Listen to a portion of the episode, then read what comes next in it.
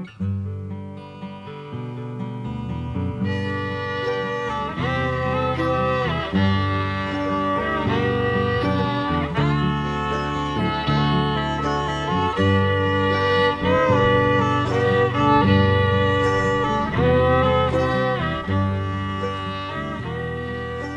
weg naar het licht. Een programma van de Stichting Adulam in samenwerking met het Zoeklicht. Fijke Tervelde houdt een lezing over het thema Hoe kon het eigenlijk zo ver komen? Oftewel de theologie van de leegheid.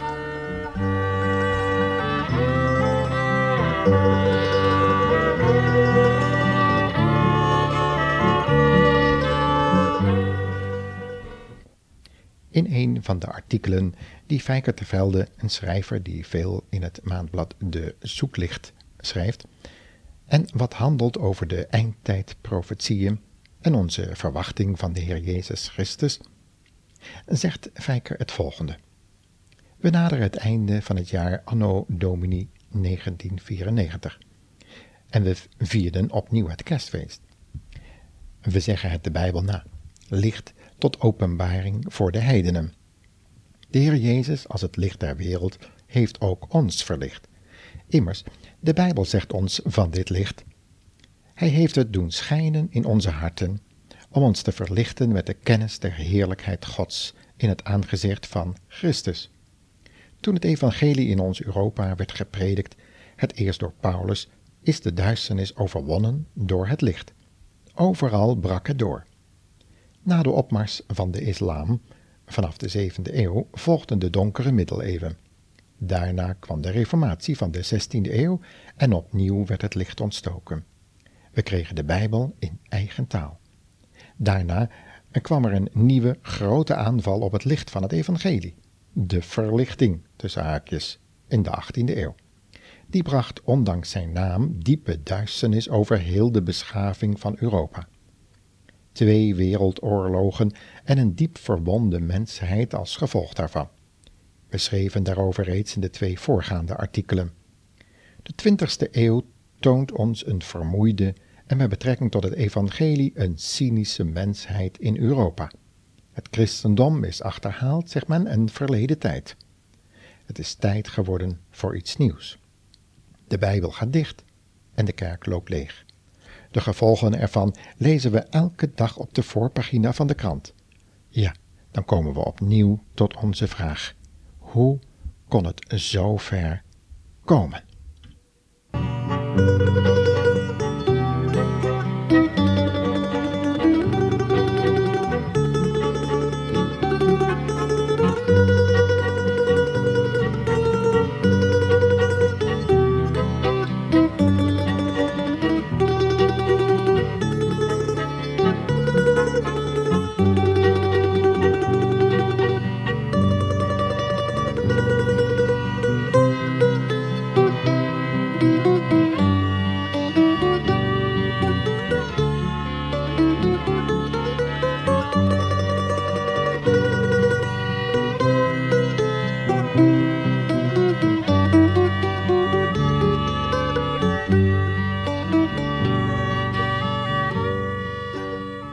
Men zou wel eens kunnen vervallen tot pessimisme als men spreekt over deze ontwikkelingen. Van christenen wordt echter gevraagd de wereld te bezien vanuit een bijbels realisme. Als we het dagelijks nieuws tot ons nemen vanuit de krant of via de radio en televisie en we zouden het profetisch woord niet kennen, dan zou er reden zijn tot pessimisme. Nu we echter het woord kennen en lezen wat de profeten en vooral onze heiland zelf leren over de wereld en de mensheid van de eindtijd, zijn we juist niet pessimistisch. Integendeel, ons hart verblijdt zich ondanks alle ellende en duisternis in de wereld van vandaag. Die blijdschap heeft juist alles te maken met dat profetische woord, wat zeer vast is, zoals Petrus dat in 2 Petrus 1 schrijft. De Heer Jezus heeft ons immers geleerd dat als we deze dingen zien geschieden, wij ons hoofd moeten opheffen, omdat de verlossing dichtbij is. Als we kijken naar het jaar wat achter ons ligt en we lezen de samenvatting van het nieuws van dit afgelopen jaar, dan worden we niet blij. Deze wereld bloedt namelijk uit duizenden wonden. De samenleving wordt steeds gewelddadiger. We moeten ons steeds meer beschermen tegen allerlei criminelen en geboeften op straat. Dat is in Europa zo. Het is ook in de Caribië zo.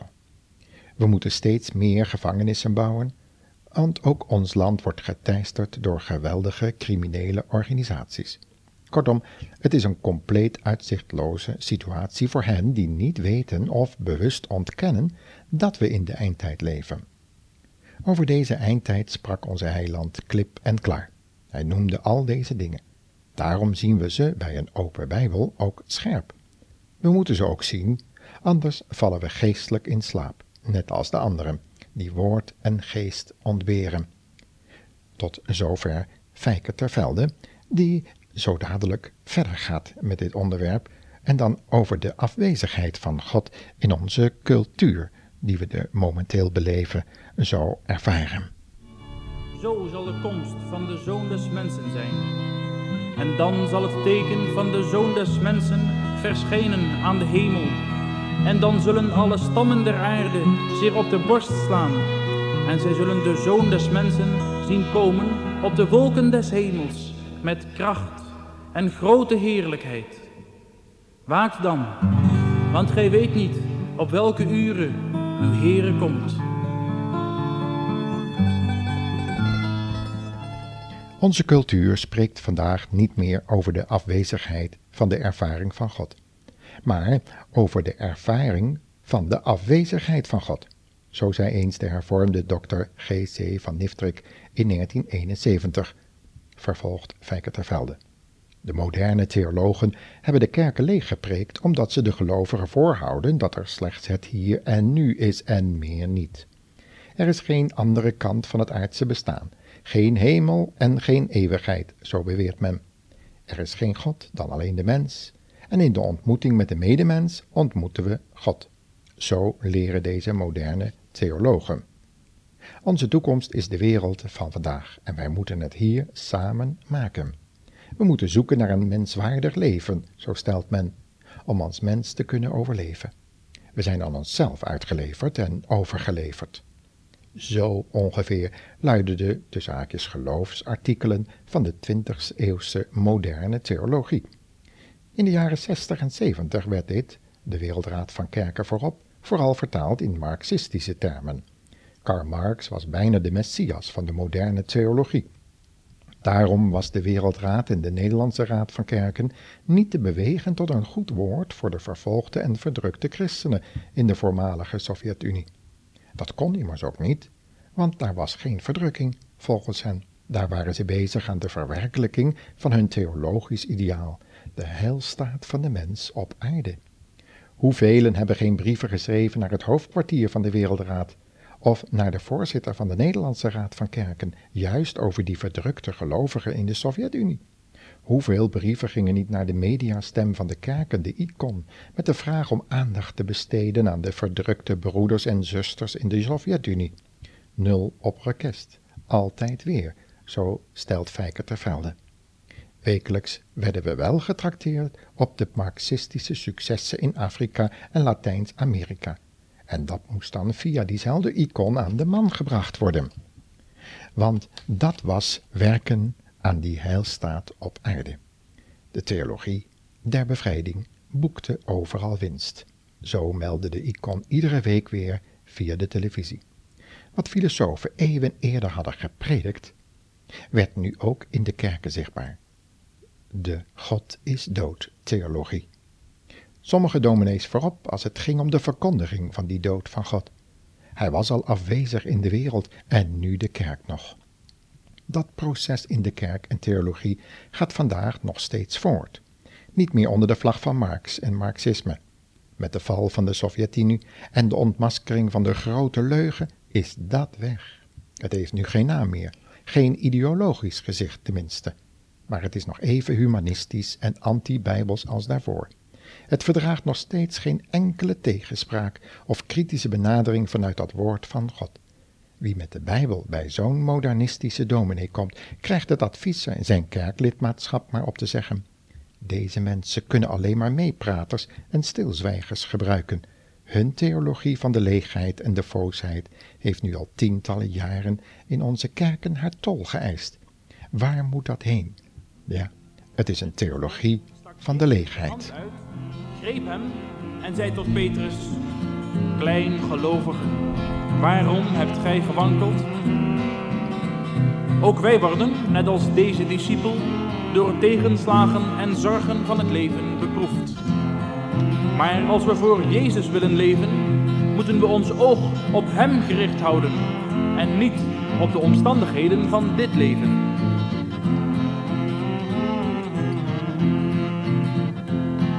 Je oog op Jezus als je denkt dat alles om je heen vergaat. Richt je oog op Jezus, want Hij grijpt je hand als leven moeilijk gaat. Het heeft zich allemaal in onze geschiedenis jaar na jaar afgetekend. Je huivert als je terugkijkt en je staat verwonderd over de langmoedigheid van die levende God. De genadetijd is nog steeds niet ten einde. De Heere wacht nog en zijn geest werkt nog om mensenlevens te redden voor nu en voor de eeuwigheid. We zijn geen pessimist als we de werkelijkheid van onze wereld en van de kerk van vandaag onder woorden brengen. We zijn er zelf immers ook deelnemer aan. We staan er middenin, midden in de wereld, midden in de kerk. En daarom raakt het ons als we de massa zien, gemanipuleerd door de leugens van deze tijd. We staan beschaamd als we de honger zien van de scharen en als we eerlijk moeten erkennen dat we ook zelf geen brood hebben om ze voor te zetten. En toch vraagt de Heer Jezus ook aan de luisteraar: geeft gij hen te eten? Wat heb je? Vijf broden? Twee vissen? Het is voldoende om een hele schare van duizenden mensen voor te zetten. Dat kan ook via dit soort radioprogramma's van de Stichting Adulam. Maar wilt u luisteren? Wilt u blijven luisteren? Dan staan we niet klaar met een vooroordeling. Of wat dan ook. Of met kritiek op wat er allemaal om ons heen of in onze eigen kerk gebeurt. Nee, dan huilt ons hart. Dan gaan we roepen tot de Heere van de hemel en de aarde om zijn ontferming over land en volk, over onze kerken. We willen niet wegvluchten in onze eigen vroomheid, met een boekje in een hoekje maar getuigen van de genade van Christus in het vaste weten dat Hij niet veranderd is. De Heer Jezus Christus is dezelfde, gisteren, heden en tot in eeuwigheid, schrijft de schrijver van de Hebreeënbrief in hoofdstuk 13, vers 8. Onze hoop is op Hem. Hij is zoals Hij zich in de Bijbel openbaart. Daarom moeten wij, luisteraars, terugkeren tot de Bijbel. In onze kerken moeten we bidden om een degelijke Bijbelse prediking de gezonde leer moet weer terugkomen. Dan gaan we weer ontdekken hoe heerlijk de Bijbel is en hoe heerlijk de Heiland is, die ons wil veranderen door zijn woord en geest, vernieuwen naar het beeld van Christus. Kort geleden vertelde een heel goede vriend van mij, die predikant is in een grote reformatorische kerk, dat ze nu met tal van collega's regelmatig samenkomen in gebed. Als deze dingen gaan gebeuren, zijn er ritselingen van Gods geest en mogen we met verwachting bidden om een echte bijbelse opwekking. Onze God is immers getrouw. Maar let wel, opwekking begint bij onszelf, luisteraar.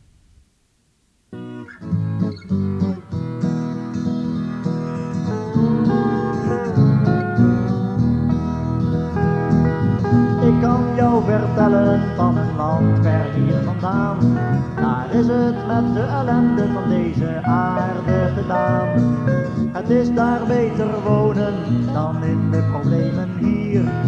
Ik sta daar geschreven in het boek van de Heer.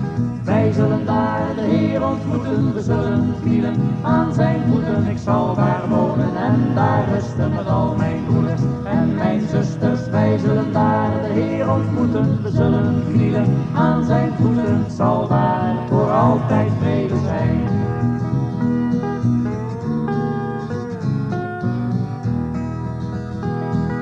Zie jij ook de tekens dat het nu niet lang meer duurt? Zie jij dan niet hoe de Heer deze aarde bestuurt? Ben jij klaar om mee te gaan, mee naar beloofde land? Morgen kan hij voor je staan, hij reikt je nu de hand. Wij zullen daar de Heer ontmoeten. Wanneer ik kom, zei de Heer Jezus, in mijn heerlijkheid met al de engelen, zal ik op mijn schitterende troon zitten. Alle volken zullen voor mij bijeen worden gebracht. Dan zal ik hen van elkaar scheiden, zoals een herder de schapen en de bokken scheidt. De schapen zal ik aan mijn rechterhand zetten en de bokken aan mijn linkerhand. En dan zal ik tegen de mensen aan mijn rechterhand zeggen, kom, gezegende kinderen van mijn vader, u mag het koninkrijk binnengaan, dat van het begin van de wereld af voor u bestemd is. Want ik had honger en u hebt mij te eten gegeven. Ik had dorst en u hebt mij te drinken gegeven. En dan vervolgt de Heer Jezus, wanneer de goede mensen zullen vragen, Heer, wanneer wij hebben we u dan gezien dat u honger had en u te eten hebben gegeven? Dan zal hij zeggen, wanneer er iemand ziek was en u hebt hem bezocht, wanneer er iemand honger had, wanneer u een van mijn minste broeders dit hebt gedaan, deed u dat voor mij. Altijd vrede zijn. Het zal daar